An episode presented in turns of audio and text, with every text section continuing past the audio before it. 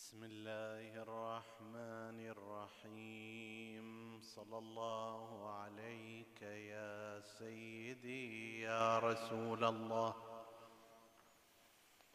صلى الله عليك وعلى ابن عمك أمير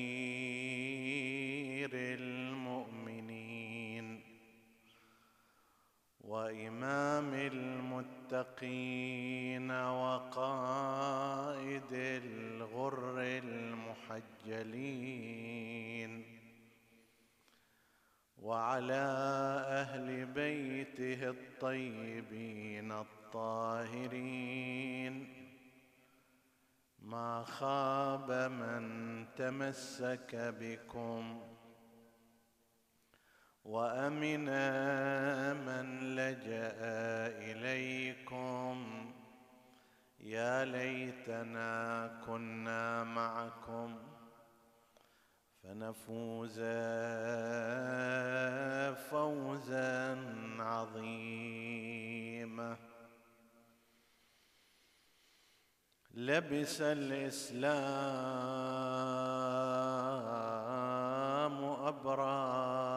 ابراد السواد.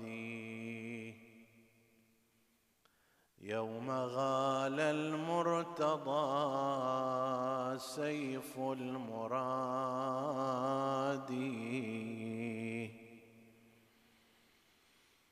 ليلة ما أصبحت إلا وقد غلب الغي على أمر الرشاد. والصلاح انتكست أعلامه وغدت ترفع أعلام الفساد. ما رعى الغادر ما رعى الغادر شهر الله في حجة الله. على كل العباد ماذا صنع وبسيف البغي قد جد له. وببيت الله قد جد له ساجدا ينشج من خوف المعاد. ساجدا ينشج من خوف المعاد.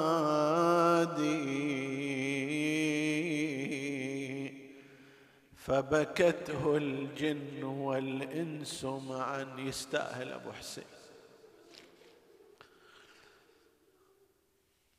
ألف وأربعمائة سنة والجرح مفتوح لا يزال والدمع مسكوب عليك. يشعر الناس باليتم في ليلتك يا أمير المؤمنين. وببيت الله قد جد له ساجدا ينشج من خوف المعادي فبكته الجن والإنس معا وطيور الجو مع وحش البوادي. وبكاه الملأ الأعلى دما. وغدا جبريل في الجو ينادي هدمت والله أركان الهدى. هدمت والله أركان الهدى حيث لا من منذر فينا وهادي. هذا الشاعر يشير إلى سهر أمير المؤمنين في جوف الليل. سل بعينيه الدجى هل جفتا من بكان أو ذاقتا طعم الرقاد؟ وسل الأنجم هل شاهدنه ليلة مضطجعا فوق الوساد.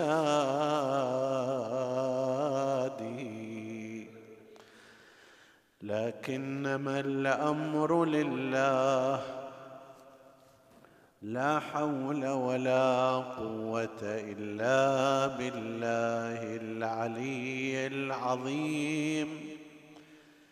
إنا لله وإنا إليه راجعون وسيعلم الذين ظلموا اي منقلب ينقلبون والعاقبه للمتقين عطروا مجالسكم بذكر محمد وآل محمد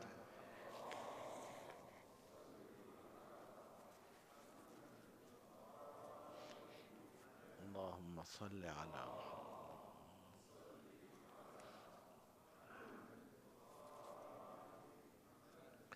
اللهم صل على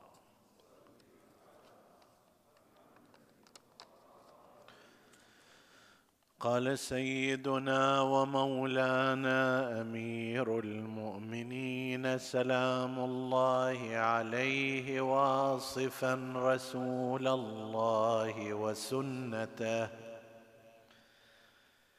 فهو إمام من اتقى وبصيرة من اهتدى وسراج لمع ضوءه وشهاب سطع نوره وزند برق لمعه سيرته القصد وسنته الرشد وكلامه الفاصل.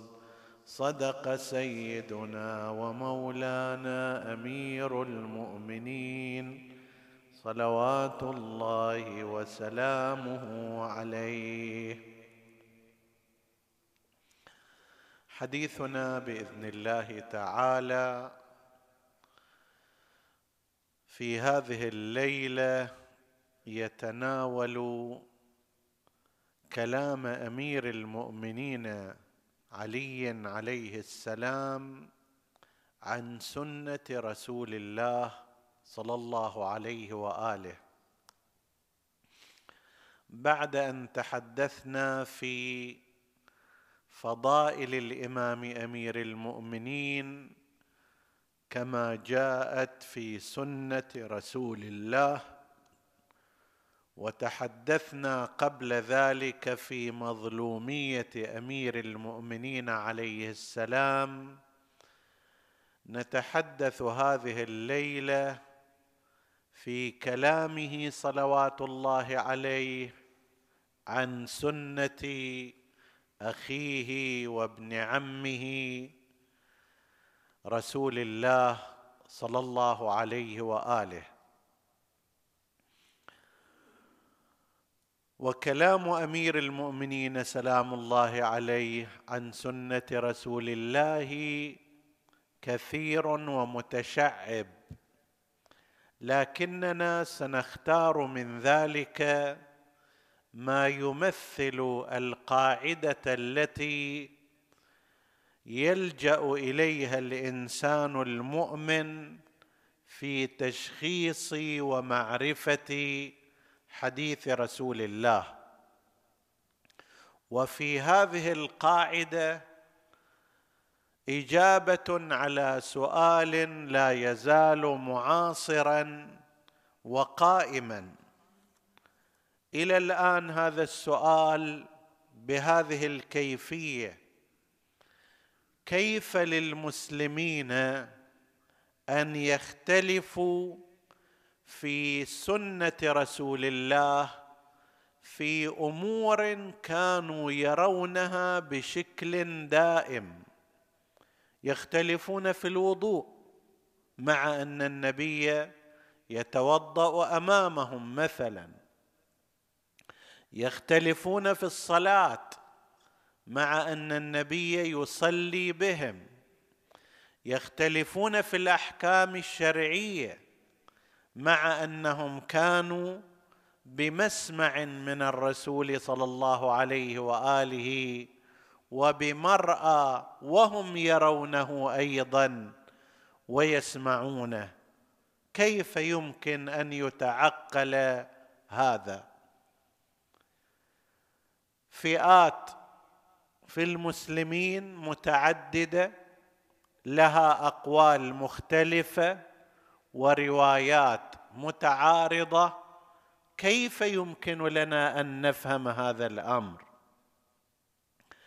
يظهر أن هذا السؤال كان موجودا في ذلك الوقت في زمان أمير المؤمنين عليه السلام وقد طرح عليه أيضا وأجاب الإمام عن ذلك.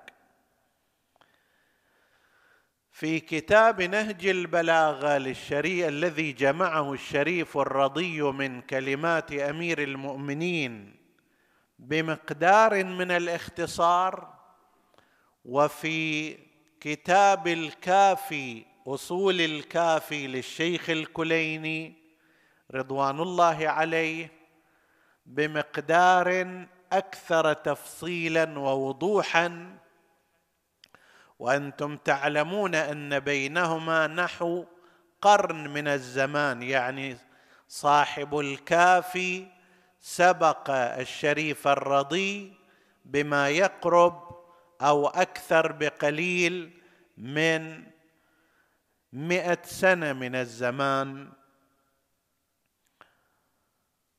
ذاك شريف الرضي في نحو أربعمائة وستة توفي وهذا ثلاثمائة وتسعة وعشرين هجرية.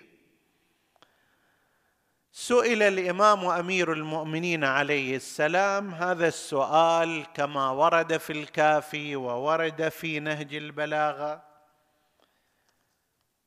قال يا أمير المؤمنين إني سمعت التفتوا إلى السؤال لأنه مهم. إني سمعت من سلمان والمقداد وأبي ذر شيئا من تفسير القرآن وأحاديث من نبي الله صلى الله عليه وآله غير ما في أيدي الناس. اللي سمعته من سلمان ومقداد وعمار غير الموجود في أيدي الناس من التفسير للقرآن ومن أحاديث رسول الله. ثم سمعت منك تصديق ما سمعت منهم. بعدين سألتك فأنت قلت اللي قال لك عمار وسلمان ومقداد أشياء صحيحة صادقة. ورأيت في أيدي الناس أشياء كثيرة من تفسير القرآن وأحاديث عن نبي الله. أنتم تخالفونهم فيها. هم عندهم شيء وأنتم عندكم شيء آخر.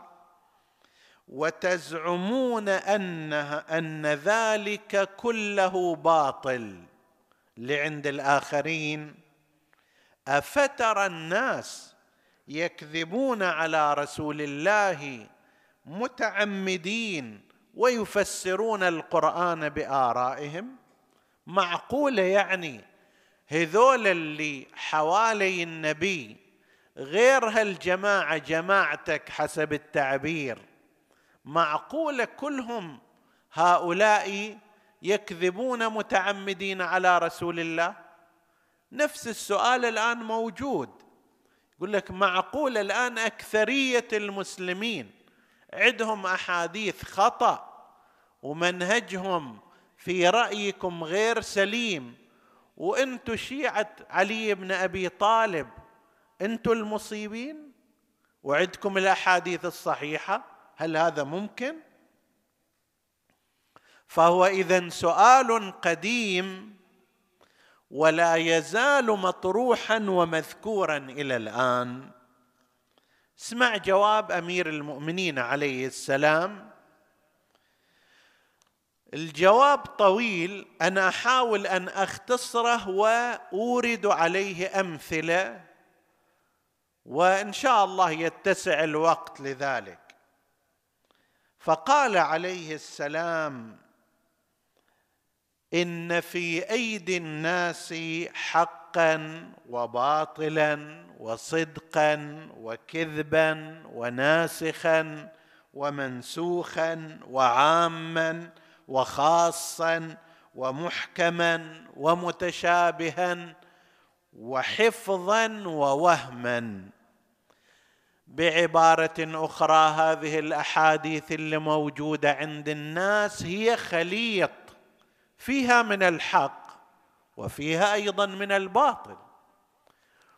من يقول الباطل قد يكون متعمدا وقد لا يكون متعمدا وإنما متوهما مشتبها لم يحفظ أو لا ممكن يكون حفظ ولكن هذا فيه نسخ اله ألغي فيما بعد.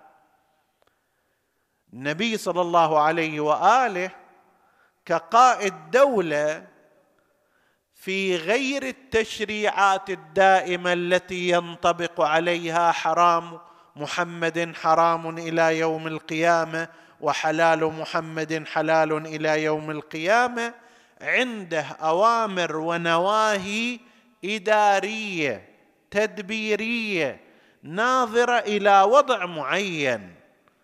هذا الوضع المعين إذا انتهى خلاص. مثال ذلك ما ورد في قضية الحمر الأهلية حمر جمع حمار حاشا من يسمع حمار الأهلي. أكو هناك نهي عن أكله من رسول الله صلى الله عليه وآله. هذا النهي جعل أتباع مدرسة الخلفاء يحكمون بأن لحم الحمار حرام. والفتوى الآن الرسمية عندهم هي هكذا. لما نجي إلى أحاديث أهل البيت عليهم السلام سوف نجد شيئا آخر وهو أن حال الحمار كحال الخيل يجوز أكل لحمه على كراهة في الحمار. زين ما هو الاختلاف هنا؟ الحديث عن أهل البيت يوضح ذلك. يقول كانت الحمير حمولة الناس في خيبر. عندما صارت غزوة خيبر وهي بعيدة عن المدينة كما يعرف الذين ذهبوا إلى خيبر من المدينة وهل عدد من المسلمين الذاهبين إلى ذلك المكان؟ عدهم متاع وعدهم يركبونهم عليها. فهناك نهى رسول الله عندما رأى بعض هؤلاء قد ذبحوا بعض الحمر لأكلها نهاهم وحرمها عليهم ومنع من ذلك. ليش؟ لأن هذه بمثابة المركوب الذي يحتاج إليه المسلمون حاجة ضرورية في ذلك الوقت لحمل أمتعتهم وفيما بعد حمل الغنائم وحمل الأشخاص نفسهم فنهى عن ذلك نهيا عاما ومنعهم من ذلك.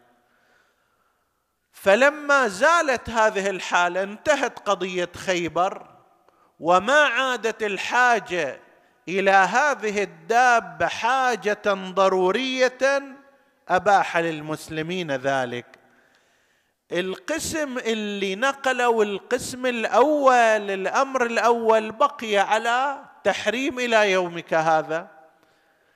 أهل البيت عليهم السلام يقولون جاء أمر بعد ذلك نسخ ذلك الأمر نسخ التحريم عن رسول الله صلى الله عليه وآله لأن مدة التحريم وظرف التحريم كان لوقت معين.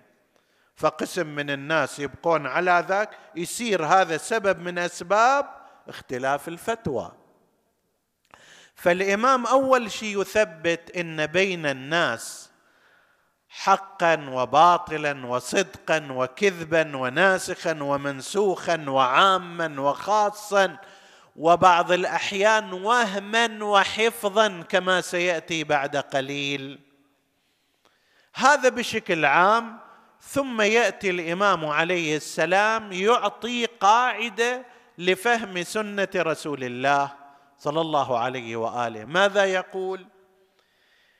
يقول ولقد كذب على رسول الله صلى الله عليه وآله على عهده حتى قام خطيبا فقال من كذب علي متعمدا فليتبوأ مقعده من النار. وهذا من الأحاديث المتفق عليها بين الفريقين وهو نفسه يدل على خطأ وبطلان نظرية عدالة الصحابة. لأن إذا كذب على رسول الله ما بيجيبوا ناس من المريخ حتى يكذبوا على رسول الله. ولا ناس كفار وإنما من يكذب عليه هو من كان من حاشيته من أصحابه ممن وإلا إذا واحد أجنبي مسيحي يجي يكذب على رسول الله ما حد يصدقه. لازم يكون واحد من الداخل يقول سمعت رسول الله يقول كذا وكذا ويأتي بحديث كاذب. فتم الكذب على رسول الله في زمانه بالإضافة إلى قول النبي ستكثر علي الكذابة فمن كذب علي فليتبوأ مقعده. يعني فيما بعد في نفس وقته كان وفيما بعده أيضا وفيما بعده أيضا سيكون. زين إذا كان هكذا ماذا نصنع يا أمير المؤمنين؟ قال وإنما أتاك بالحديث أربعة رجال ليس لهم خامس. قسم من نقل الحديث لأن النبي يقول حديثا الناس يسمعونه ثم ينقلون هذا الحديث إما لمن لم يكن حاضرا في المسجد. أحيانا مو كل المسلمين حاضرين في المسجد. أحيانا يكون كلام النبي في ضمن مجموعة. المجموعة الأخرى لا تسمع في منطقة أخرى في البادية. أو لا لمن بعدهم في الزمان. يعني الجيل الأول ينقل إلى الجيل الثاني بعد وفاة رسول الله. هذول يقول أربعة أشخاص مو أكثر. الأول رجل منافق المنافقون مظهر للإيمان متصنع بالإسلام لا يتأثم ولا يتحرج يكذب على رسول الله متعمدا. ما عنده أي حرج في أن يكذب على رسول الله لتحقيق مصالحه سواء في زمان النبي وهذا صار أو بعد النبي وهذا أيضا صار. يذكرون في زمان رسول الله صلى الله عليه وآله لذكره صلوا عليه.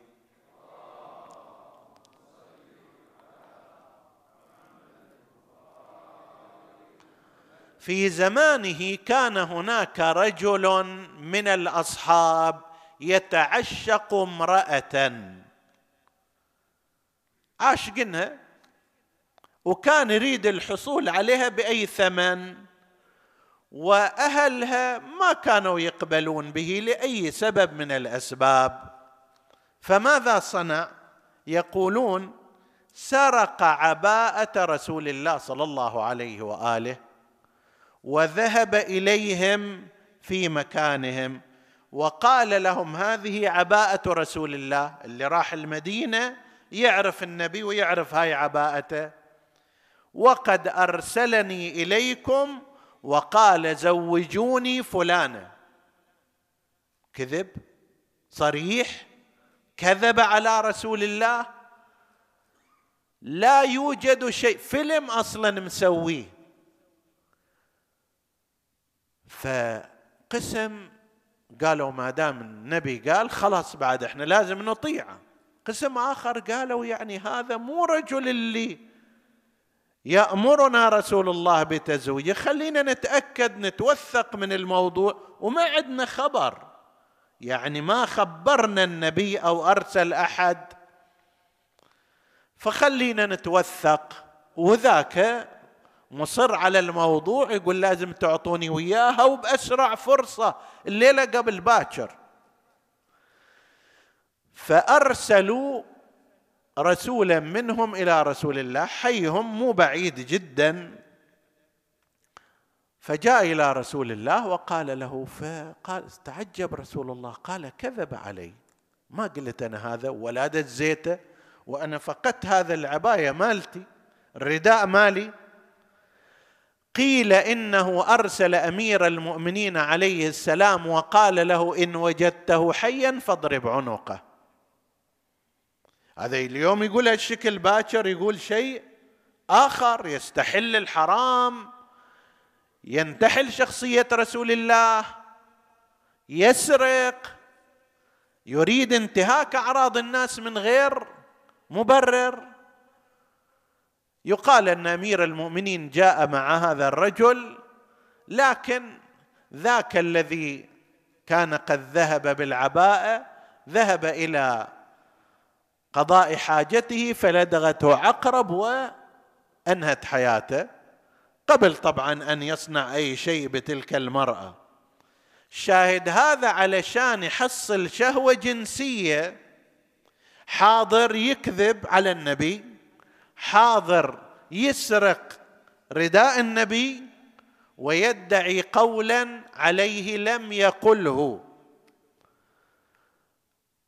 هذا من أنحاء الكذب. رجل منافق كاذب وهذا أيضا يدل كما تدل عشرات الأدلة على بطلان نظرية عدالة الصحابة. كاذب على رسول الله لا يتحرج لا يتأثم ما عنده مشكلة ابدا. هذا في زمان رسول الله أو لا فيما بعد كما قال الإمام عليه السلام ثم بقوا بعده مثل هؤلاء المنافقون مثل هؤلاء المنافقين ثم بقوا بعده فتقربوا إلى أئمة الضلالة والدعاة إلى النار بالزور والبهتان فولوهم الأعمال وجعلوهم حكاما على رقاب الناس فأكلوا بهم الدنيا.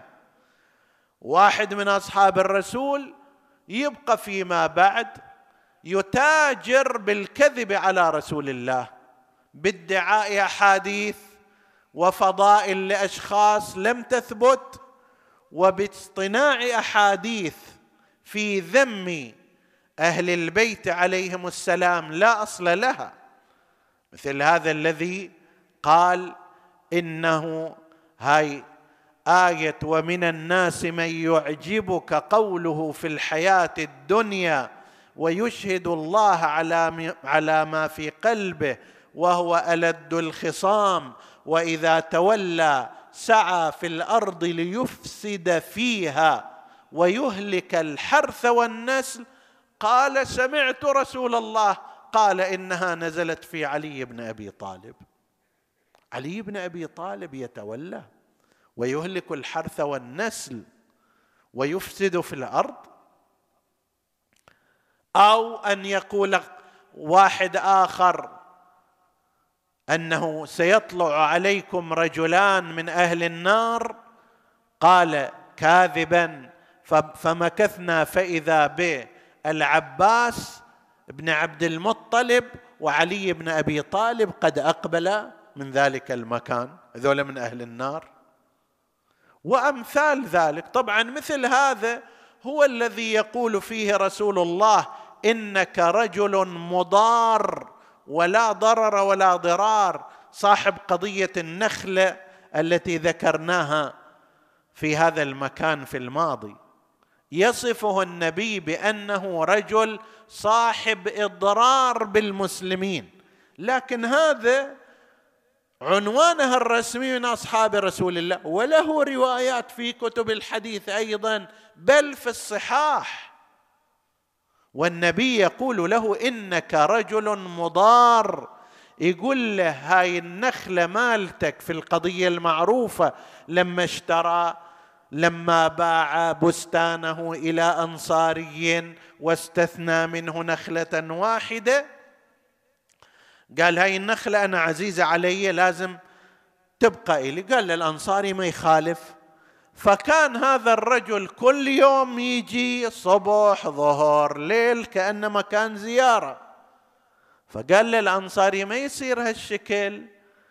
إما أنت تحدد وقت حتى لما تجي إلى نخلتك أهلي بناتي زوجتي يحتجبنا إحنا ساكنين هنا. أو إذا جيت أطرق الباب تكلم استأذن. قال لا أستأذن على ملكي. وما حدد وقت هذه إلي.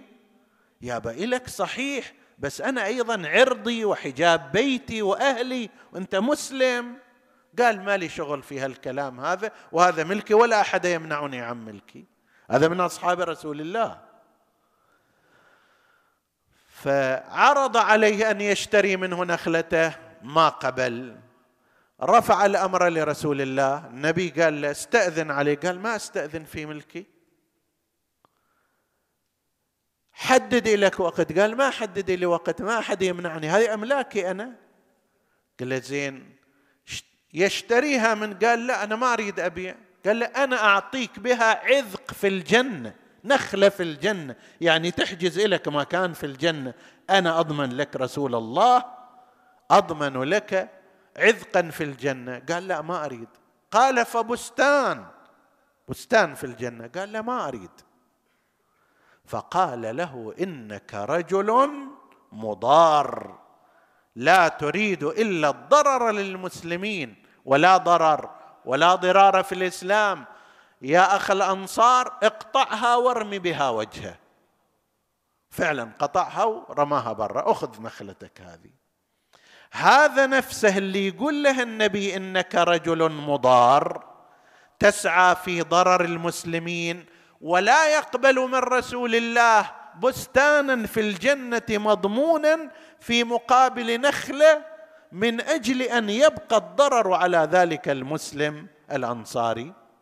هو نفسه يجي يصير بعدين والي من ولاة الأمويين ويعطيهم منها الأحاديث ما شاءوا ومنها أعطاهم في مقابل مبلغ من المال هذه أن الآية المباركة زعم كاذبا أنها نزلت في علي بن أبي طالب.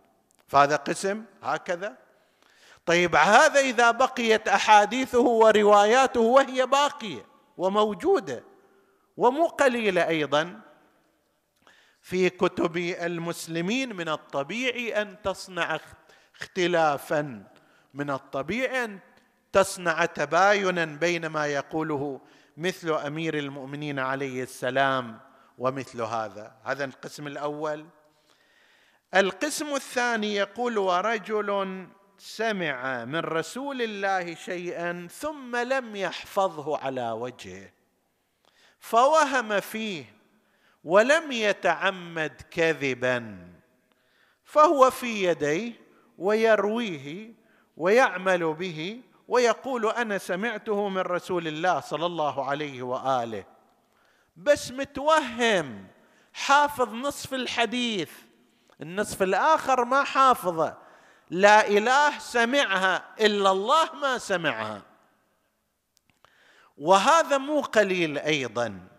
مثال ذلك وهذا الحديث موجود الآن ويؤسس لعقيدة كبيرة بين المسلمين تنتهي إلى التجسيم. هو الحديث الذي يقول إن الله خلق آدم على صورته. ويفسرونها بماذا؟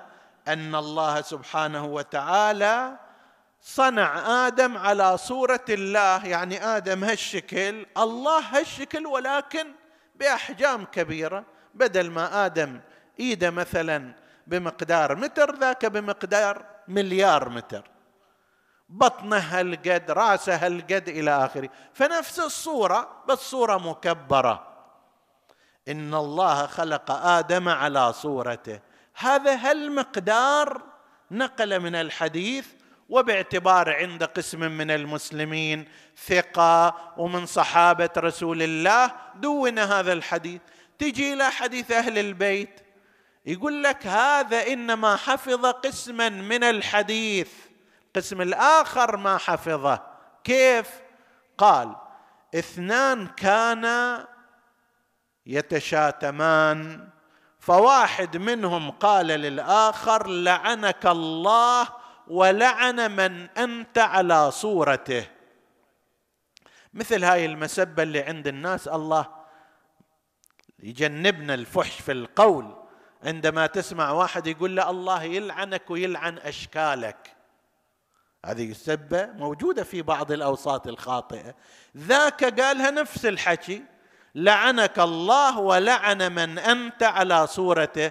فقال له النبي صلى الله عليه وآله لا تلعن هكذا فإن الله خلق آدم على صورته. يعني آدم على صورة هذا وبالتالي أنت لما تقول لعن من أنت على صورته لعنت آدم وأبناء آدم ومن فيهم من الأنبياء والأوصياء والأولياء والمؤمنون. كل هذول على نفس صورة آدم. فأنت لما تقول لعنك الله ولعن من أنت على صورته تلعن آدم لأن آدم هو أبو البشر وبالتالي تلعن من تحت آدم من كل هؤلاء وين هذا الكلام؟ وين ذاك الكلام؟ ذاك الكلام ينتهي إلى التجسيم والتشبيه والخطأ في الاعتقاد بالله وهذا ينتهي إلى شيء آخر أمر أخلاقي. لا تلعن بهذه الصورة لأنك ستلعن آخرين هم أبناء آدم. هذا مو متعمد ربما القائل ولكن متوهم مشتبه خاطئ ما ما قرأ الحديث كامل ما سمع الحديث كامل بس بقي هذا الحديث وكما قلنا هو يؤسس لعقيدة مو لحكم فقهي. أو مثل ما قيل في إن الميت يعذب ببكاء أهله عليه ولذلك بعض أتباع هذه المدرسة يقول لك لا تسوون عزاء على الميت. ليش؟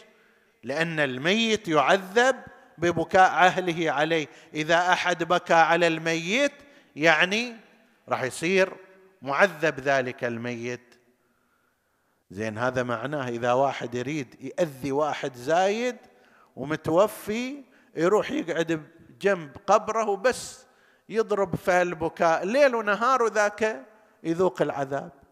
لا تزر وازرة وزر أخرى. شنو ربط هذا بهذا؟ أساسا البكاء هي دمعة وهي رقة وهي رحمة. كما قال رسول الله عندما سأله أحدهم عن بكائه على إبراهيم وعلى رقية ابنته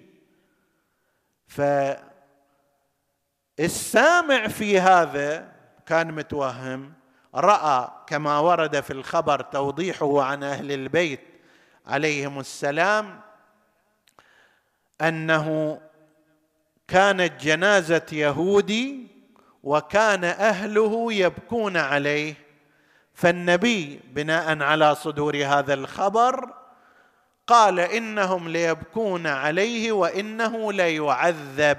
يعذب مو لأنهم يبكون وإنما لأنه جحد نبوة رسول الله ولم يؤمن بها. فهذا ما إلى ربط سواء بكوا عليه أو صفقوا عليه. ماكو فرق. المؤثر هنا أنه لم يؤمن برسول الله لذلك صار هذا العذاب إليه. فهذا القسم الثاني اللي عندهم وهم واشتباه.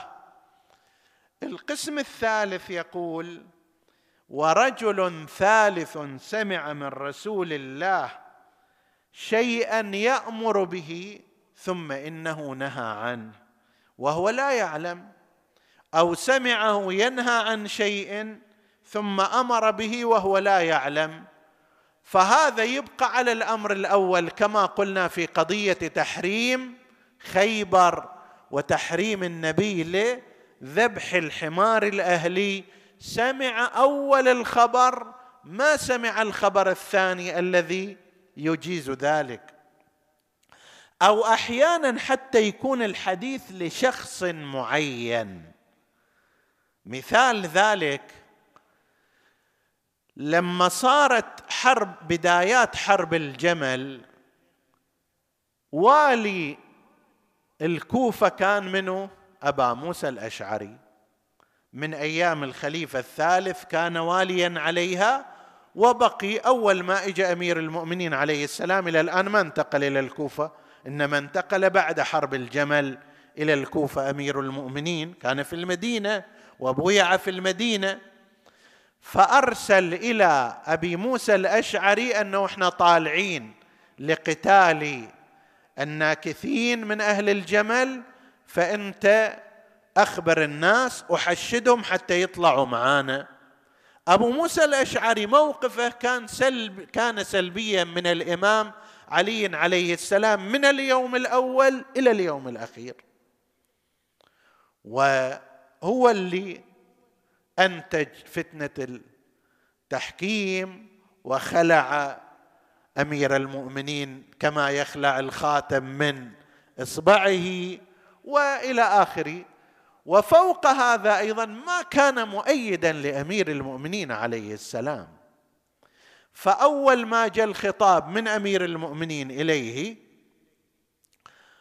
بدأ يتحدث في الكوفة ويصعد المنبر أنني سمعت رسول الله يقول ستكون فتنة القاعد فيها خير من القائم والنائم فيها خير من القاعد. هذه فتنة لا تتحرك فيها.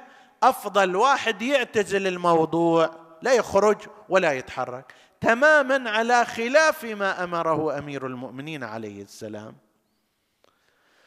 فلما وصل الخبر إلى أمير المؤمنين أرسل إليه جماعة منهم عمار بن ياسر ومنهم الإمام الحسن المجتبى عليه السلام وآخرون. فإجا عمار إلى الكوفة وقف سمع أبا موسى الأشعري يخطب هالخطاب هذا لأنه كان يكرره في كل جمعة. بدل التحشيد كان تخذيل. فإجا اليه قال له يا أبا موسى أولا تذكر يوم كنا مع رسول الله أنا وأنت وفلان وفلان وفلان وقال هذا الحديث. ماذا قال؟ قال ستكون فتنة. أنت وقال لك شخصا أنت فيها يا أبا موسى قاعدا خير منك قائما. ونائما خير منك قاعدا. يقول لك أنت ما يقول لنا كل الموجودين ما وجه الخطاب لهم وإنما وجه الخطاب لك. باعتبار أن بعض الأشخاص تشخيصهم للمواقف تشخيص غير صحيح يقول له أنت اقعد راحة. لا تتخذ موقف. خليك معتزل لأنك لو اتخذت موقفا وتحركت فيه من الممكن أن تضل غيرك فأنت خليك قاعد. قال لك أنت ولم يقل لغيرك تذكر ذلك؟ فسكت أبا موسى فسكت أبو موسى. قال إن شئت جئتك بمن كان شاهدا للحادثه وأنه ما كان موجه الخطاب للناس ولا موجه الخطاب للأصحاب وإنما لك شخصيا. انت نعم اقعد على جهة. وبالفعل لو قعد أبو موسى على جهة ما كانت تصير مشاكل. فلما طلع في صفين صارت مأساة التحكيم ولها حديث آخر.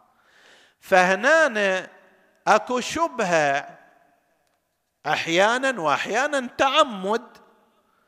قد يعرف الشخص أن المقصود منها شخص معين ولكن مع ذلك يجعلها عامة للناس. فهذا من الأسباب. وهذا الآن من الأحاديث الشائعة أنه إذا كانت فتنة فالقاعد فيها خير من القائم والنائم فيها خير من القاعد. زمان أمير المؤمنين ما كان زمان فتنة. زمان إمام هدى وفئة باغية. زمان إمام شرعي وفئة ناكثه مو زمان فتنة. فهذا القسم الثالث والقسم الرابع ما قاله أمير المؤمنين عليه السلام وآخر رابع لا يكذب على رسول الله لا يكذب على الله ولا على رسوله مبغض للكذب خوفا من الله. وتعظيما لرسول الله ولم يهم بل حفظ ما سمع على وجهه فجاء على ما سمعه لم يزد فيه ولم ينقص.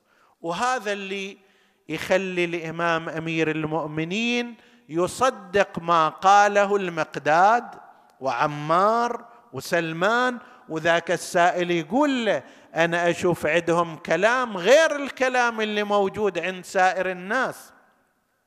وانت صدقت كلامهم ووثقت كلامهم وأمضيت عليه. نعم لأنهم كانوا من هذا القسم الرابع.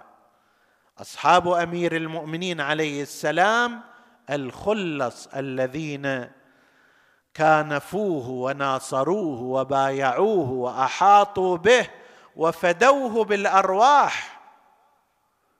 هؤلاء ما حالهم مثل هذه الليلة وهم قد سمعوا أن أمير المؤمنين عليه السلام قد يؤس من حاله وذلك بعدما جاء طبيب الكوفة المعروف هاني ابن أثير السكوني واستخرج عرقشات ووضعه في رأس الإمام عليه السلام ثم نفخ فيه قليلا وقال للإمام يا أمير المؤمنين اعهد عهدك فإن ضربة اللعين قد وصلت إلى أم الدماغ. عظم الله أجوركم يا شيعة الإمام. عظم الله أجوركم يا أولاد الإمام. يا أبا محمد أيها الحسن الزكي. يا أبا عبد الله الحسين. يا فاط يا زينب.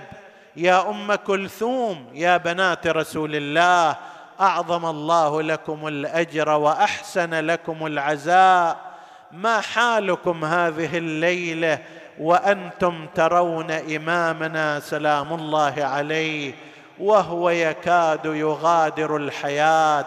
عندما وصل الأمر هكذا أوصى بوصاياه وصاياه المعروفه والمحفوظه نشير إلى بعضها قال أوصيكم وما أوصيكما وجميع ولدي ومن بلغه كتابي هذا. بتقوى الله ربكم والا تبغي الدنيا وإن بغتكما. قولا بالحق واعملا للأجر وكونا للظالم خصما وللمظلوم عونا. الله الله في الأيتام. ألا لا تغبوا أفواههم ولا يضيعوا بحضرتكم. الله الله في الصلاة فإنها عمود دينكم. الله الله في كتاب ربكم. ألا لا يسبقنكم بالعمل به غيركم. وعليكم بالأمر بالمعروف والنهي عن المنكر. فإنه إن ترك لم تناظروا. ثم بعد ذلك أشار إلى من حضر من بني عبد المطلب وقال يا بني عبد المطلب لا ألفينكم تخوضون في دماء المسلمين خوضا. تقولون قتل علي بن أبي طالب ألا لا يقتل النبي إلا قاتلي؟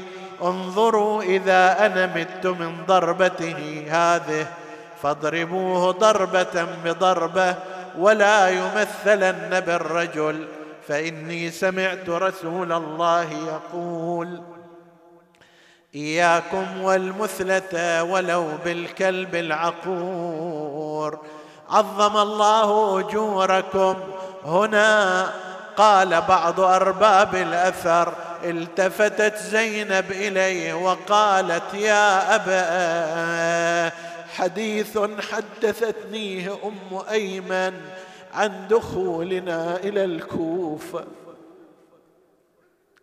أحب أن أسمعه منك يا زينب لماذا تهيجين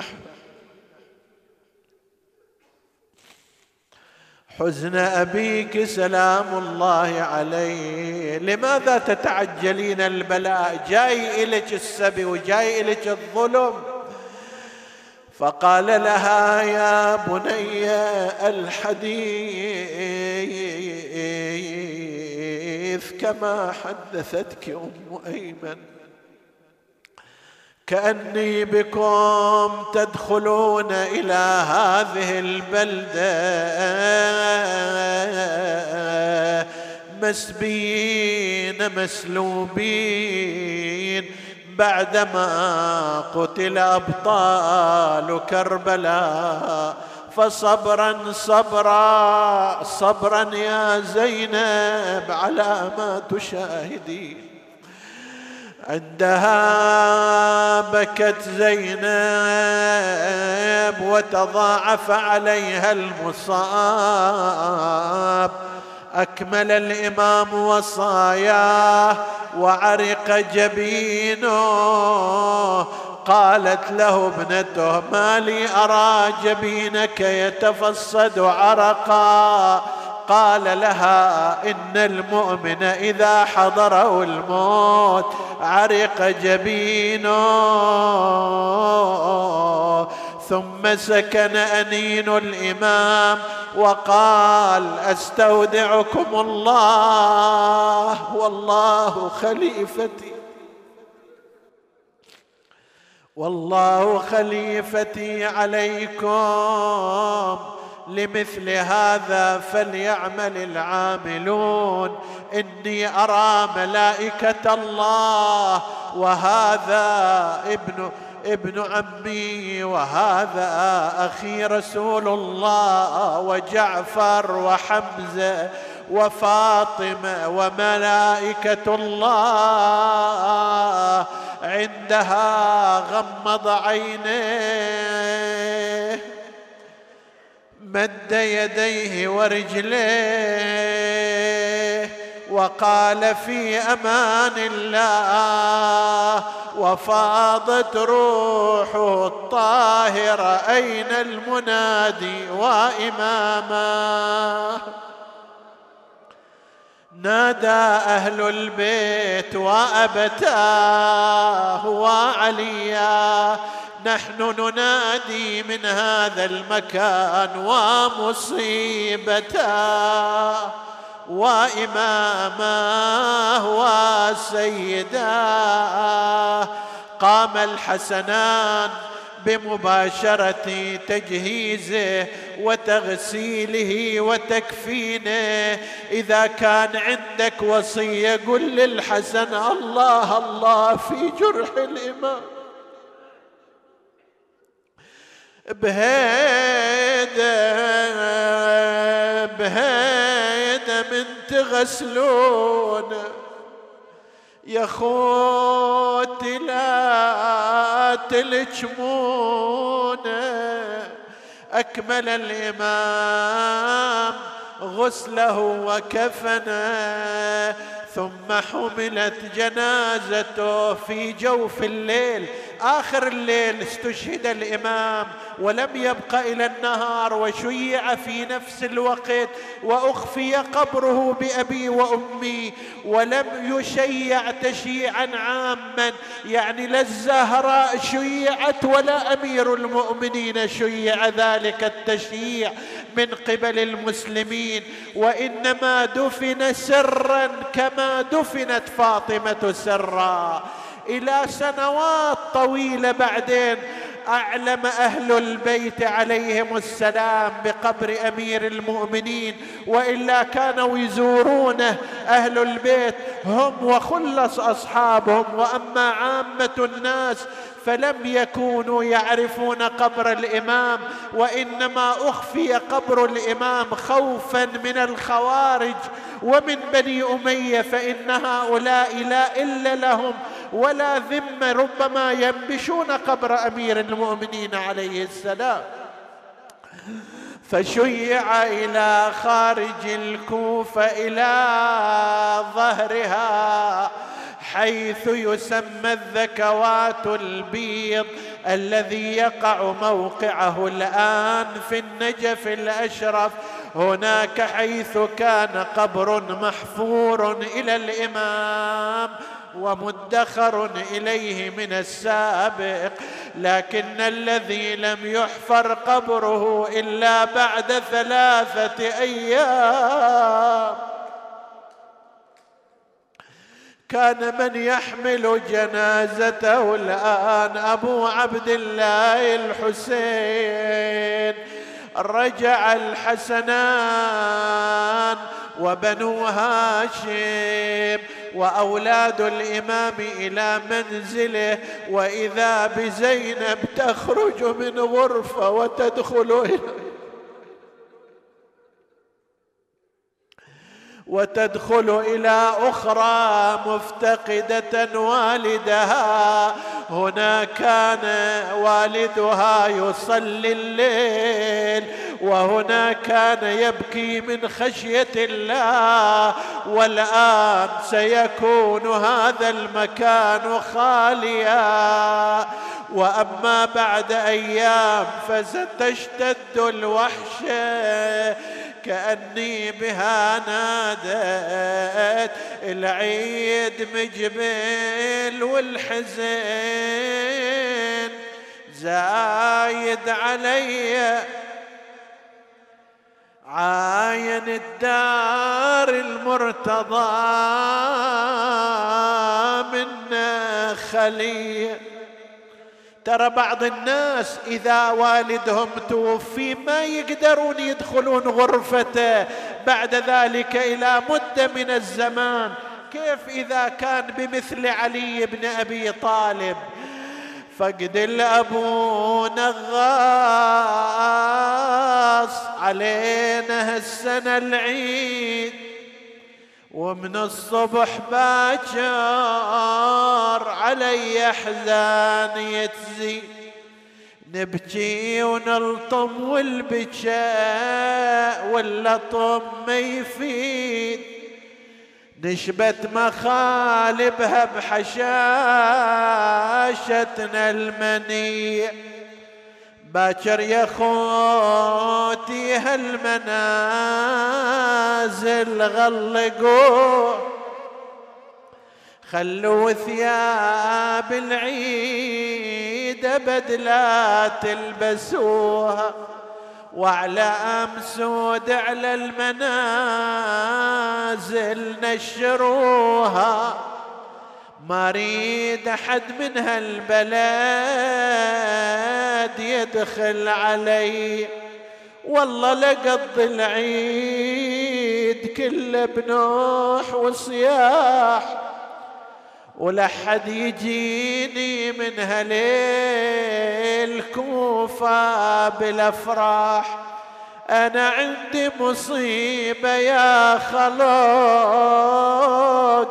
من الفرح راح زاد البكا والنوح عبرات الجري.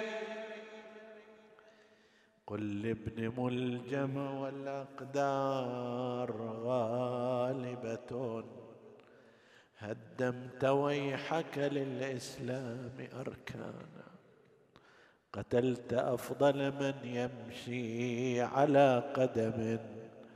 وأول الناس إسلاما وإيمانا.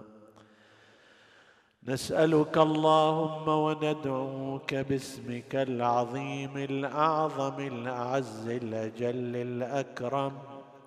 وبأحب الخلق إليك محمد وعلي وآلهما.